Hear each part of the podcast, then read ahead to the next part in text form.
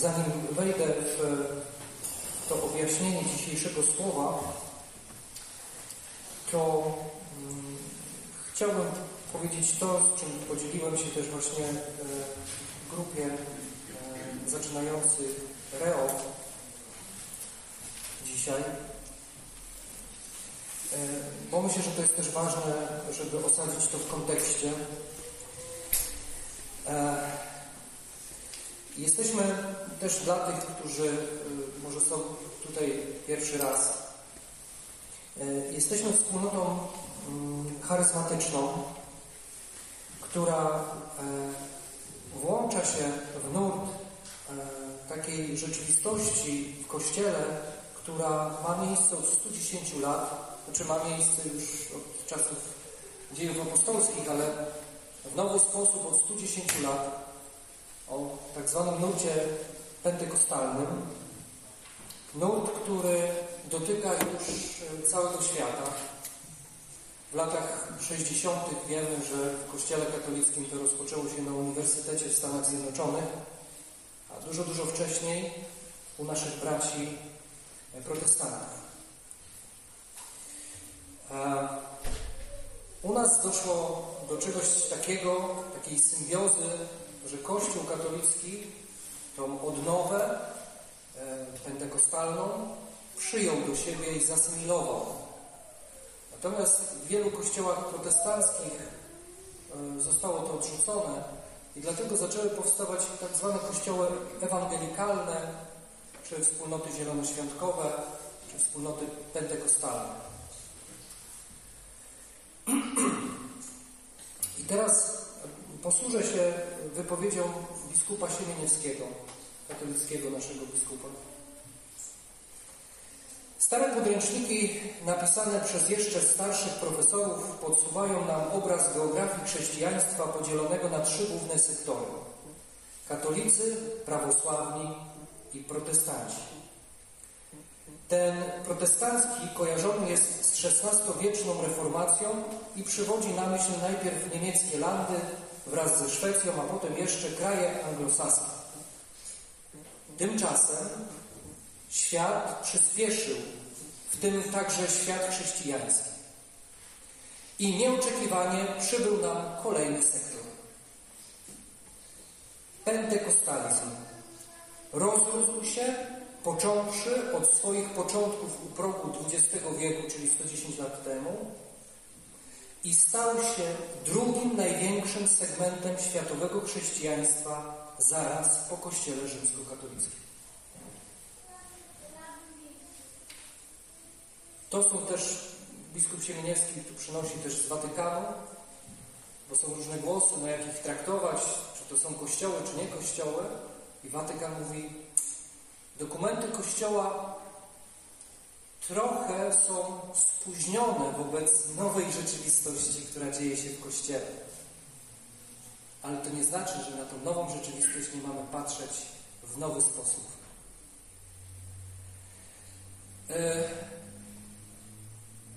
za kilka dni rozpocznie się konferencja Już Czas, gdzie jest zaproszonych 500 osób mniej więcej pół na pół to są właśnie i katolicy, e, i e, z kościołów protestanckich, zielonoświątkowych, pentekostalnych.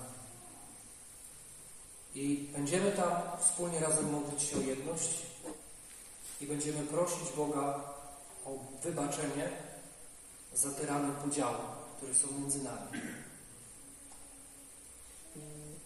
I będzie tam też delegat z Watykanu.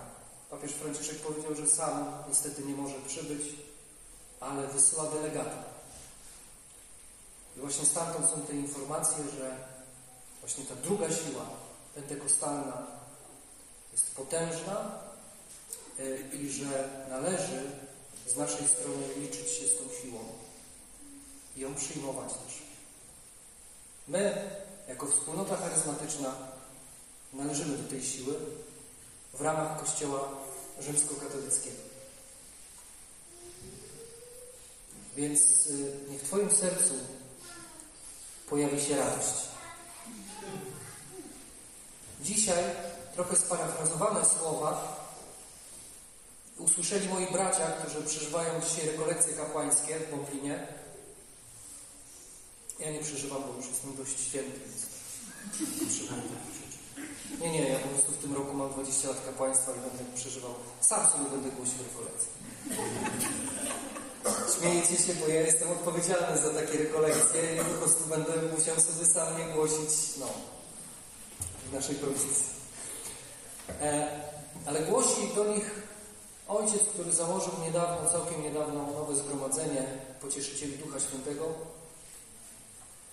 i on właśnie też parafrazując słowa biskupa Siemińskiego mówi, no dlaczego tak jest, że tamten kościół rośnie w siłę, ten właśnie ewangelikalny, pentekostalny, te różne wspólnoty stają się drugą siłą co do wielkości w kontekście też i naszego Kościoła.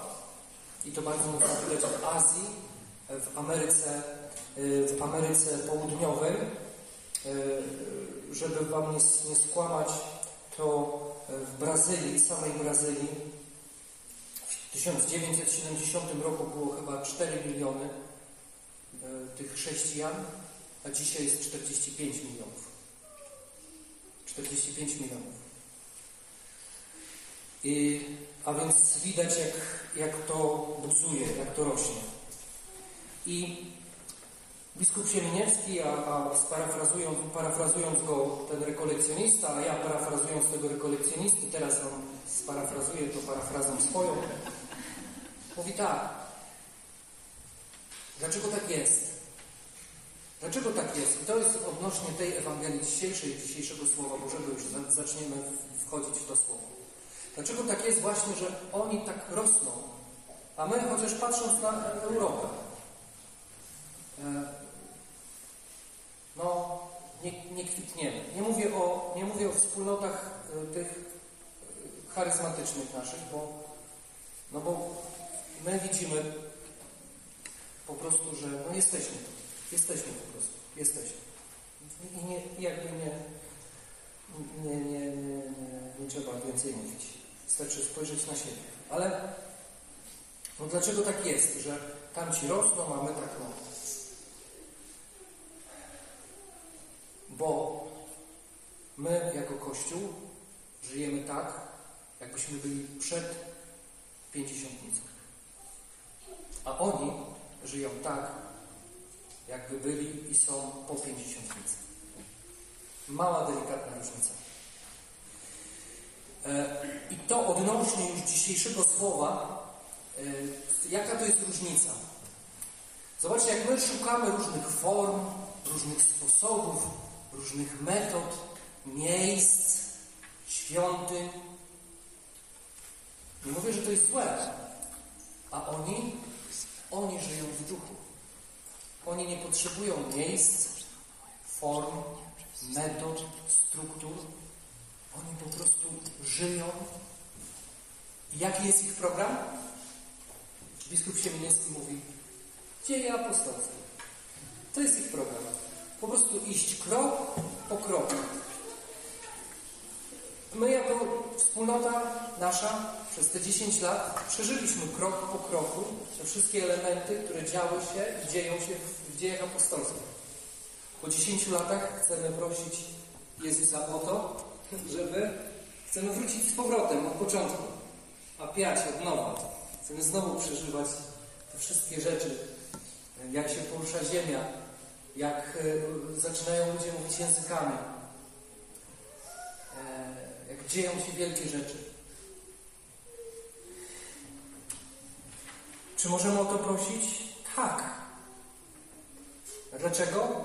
No bo tak jest w dziejach apostolskich, tyle. Po prostu. No ale to mamy tu przekreślić y, wszystkie filozofie, wszystko to, co się działo? Nie, nie, nie przekreślajmy, ale co było pierwsze? Tam to było pierwsze.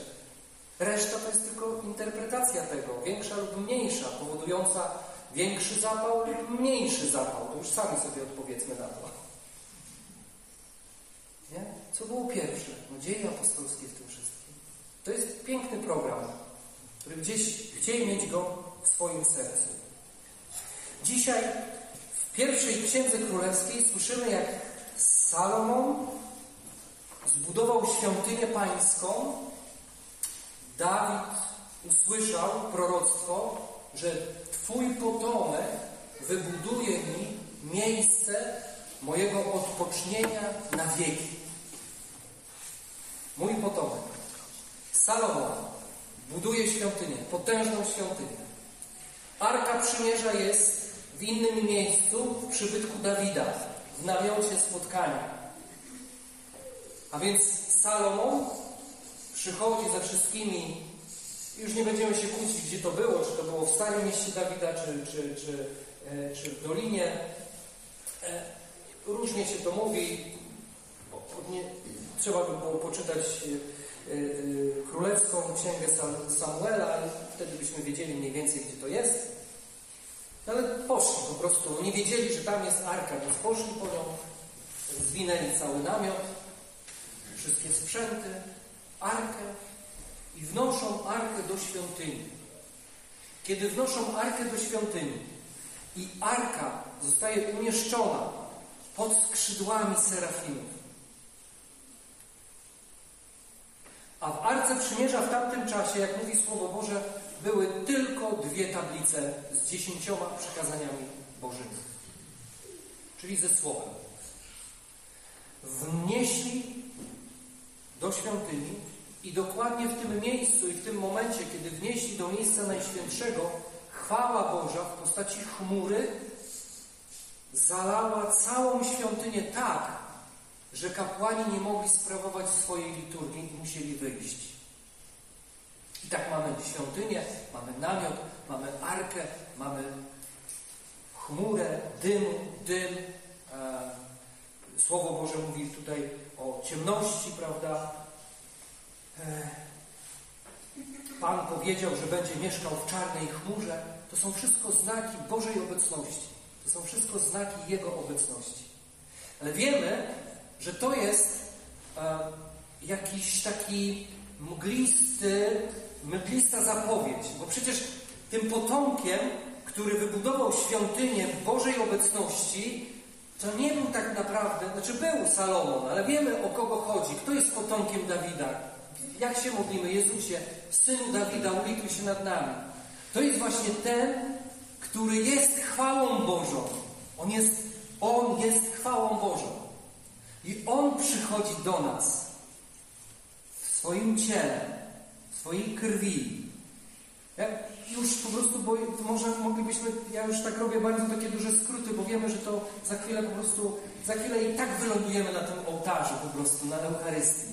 Po prostu. Yy, on jest chwałą. On jest tak przeniknięty chwałą, tak przeniknięty, wiecie, pięćdziesiątnicą, wieczernikiem, no, ja robię takie skróty już myślowe, że tylko szedł, a ludzie go sami szukali i sprowadzali chorych i wystarczyło, że się tylko rąbka dotknęli i byli uzdrawiani. Tu świątynia Salomona, Boża obecność, Dotknięci też na wskroś kapłani. Muszą się wyczołgiwać. Wiemy, mówiliśmy kiedyś o tym, że oni się tak naprawdę wyczołgali. Oni zostali zgniecieni po prostu przez chwałę Bożą. Przygnieceni musieli po prostu wyczołgiwać się stamtąd. Chwała Boża, szekina, Boża obecność. I przychodzi, w ogóle, wiesz, świątynia, w ogóle historia świątyni Historia Arki Przymierza, przybytku pańskiego, to jest, to jest też Twoja historia. To jest też Twoja historia. Bo przecież Jezus, znaczy święty Paweł powiedział, że co? Że my jesteśmy świątynią pańską. Poprzez konsekrację, jaka nastąpiła na Chrzcie Świętym, my staliśmy się świątynią pańską. My jesteśmy świątynią. Każdy z nas jest świątynią. I kiedy wprowadzamy Arkę Przymierza Jezusa Chrystusa do swojego serca, wprowadzamy go, chwała Boża zaczyna spoczywać na nas, w nas. To się stało w świątyni Salomona, to się stało i dzieje w Jezusie i na mocy tego, co On dla nas uczynił, zrobił, my stajemy się dziećmi Bożymi, stajemy się świątynią Boga. I to, co działo się w Jezusie i za sprawą Jezusa, może się dziać Twoim życiu i w moim. Ale to jest ta pozytywna, piękna przestrzeń. Ale jest jeszcze no, ta, taka smutna. Bo jak patrzymy na historię Izraela, to widzimy, że raz ta chwała Boża przychodzi, a raz odchodzi. Kiedy Izrael jest niewierny, kiedy Izrael odchodzi od Pana, chwała Boża opuszcza świątynię Pańską. I tak się dzieje w naszym życiu. Kiedy popełniam grzech ciężki, wyrzucam chwałę Bożą ze swojej świątyni. Ostrzej możemy powiedzieć. To ja biczuję Jezusa, to ja Go krzyżuję, to ja Go zabijam w sobie poprzez grzech ciężki. Niszczę w sobie tą szekinę, chwałę Bożej obecności w sobie. Ale kiedy następuje odnowa, łaska uświęcająca, znowu ta chwała przychodzi. I każda Eucharystia, każde spożywanie Boga to jest właśnie to wprowadzanie. Czyli co Ty masz robić, żeby uświęcić swoje życie, żeby je sakralizować? Masz wprowadzać Jezusa do swojego życia, do swojego serca, a wtedy On, e, On wtedy Ciebie uświęci.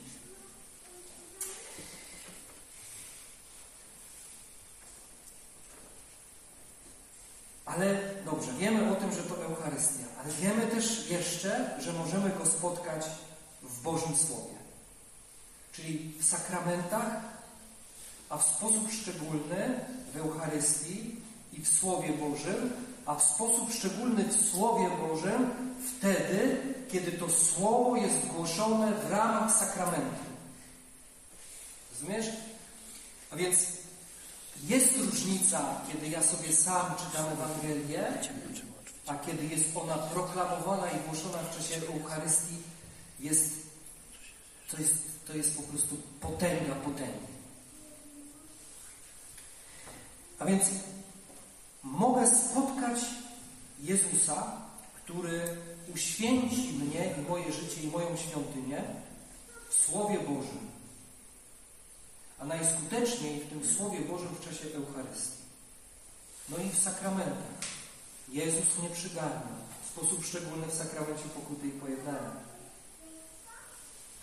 A w Eucharystii nie tylko wychodzi, żeby mnie przytulić, ale wchodzi we mnie jako pokarm. To jest po prostu miazga, słuchajcie. Uświadom to sobie dzisiaj. Niech to nasze uwielbienie po mszy świętej będzie właśnie takim, takim wiesz, właśnie takim pentekostalnym uwielbieniem. Dlaczego? Dlatego, że w Tobie będzie Jezus, który jest źródłem Ducha Świętego. Jezus jest źródłem Ducha. I dlatego uwielbiając Jezusa otrzymujemy Ducha Świętego. Dlatego ogłaszając Jezusa swoim Panem, jedynym i Zbawicielem, otrzymujesz moc Ducha Świętego. Jesteś wypełniony na Bożą obecnością. I jaśniejesz po prostu, jak Matrix. Światło przechodzi przez Ciebie.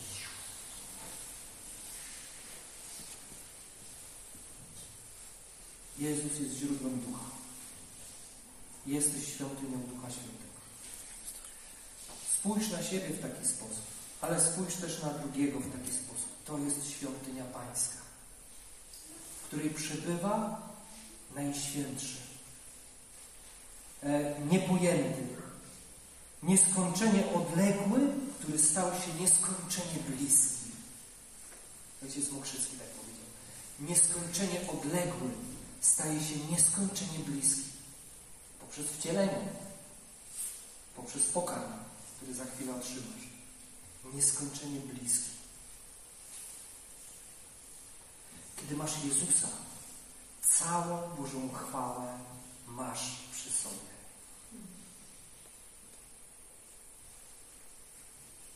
I wtedy nasze ciało jest uduchowione. Jest jeszcze jeden aspekt tego uduchowienia. Co robiono w świątyni jerozolimskiej przed świątynią, czy w, w obrębach, obrębie świątyni? Co robiono? Składano, składano ofiarę. Ojciec Mokrzycki mówi, że to, co materialne, takie dotykalne, takie, wiesz, takie przygniatające i nieraz ściągające w dół, staje się duchowe, staje się, e, nie chcę powiedzieć eteryczne, nie? ale duchowe, staje się takie mm, e, lekkie, wolne, dym. Nie? Ofiara się spala. Kiedy stajesz się darem i ofiarą nie losu, ale kiedy stajesz się darem i ofiarą dla drugiego człowieka, stajesz się lekki i wolny. I tu kłania się znowu na Wiktor Frankl, który mówi o tym, że wypełniasz sens w swoim życiu, kiedy stajesz się darem dla drugiego człowieka. I wtedy tak naprawdę urzeczywistniasz się i spełniasz się jako człowiek. Nie wtedy, kiedy dbasz o siebie, żeby mi było dobrze, żeby mi było najlepiej, ale kiedy stajesz, przekraczasz siebie i stajesz się darem dla drugiego człowieka. Kiedy go kochasz. Wtedy najpełniej uczłowieczasz się.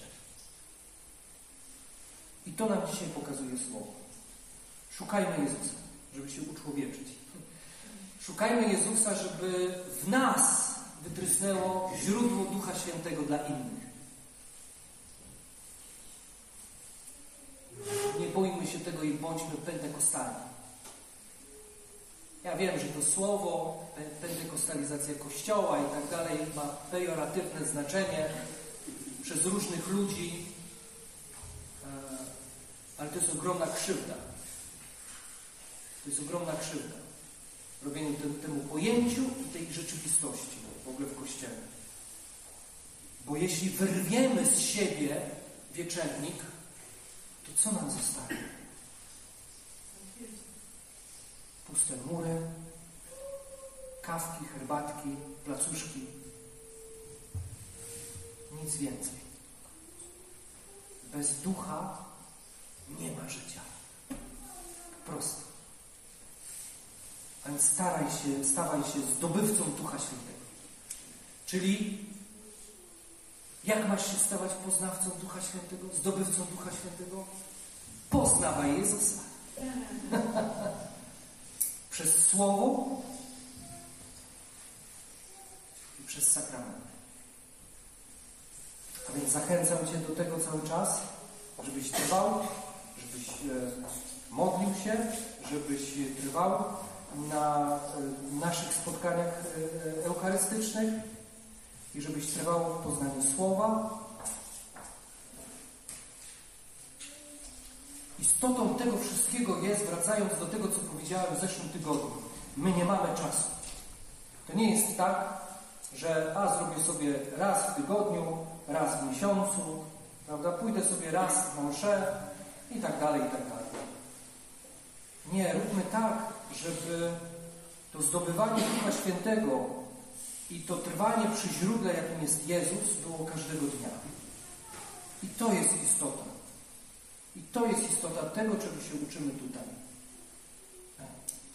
Nie uczymy się form, metod. To nie jest istotne. Istotne jest to, żebyśmy byli wierni i wytrwali. Byśmy wiernie i wytrwale szukali Jezusa i przy Nim trwali. Amen. Amen.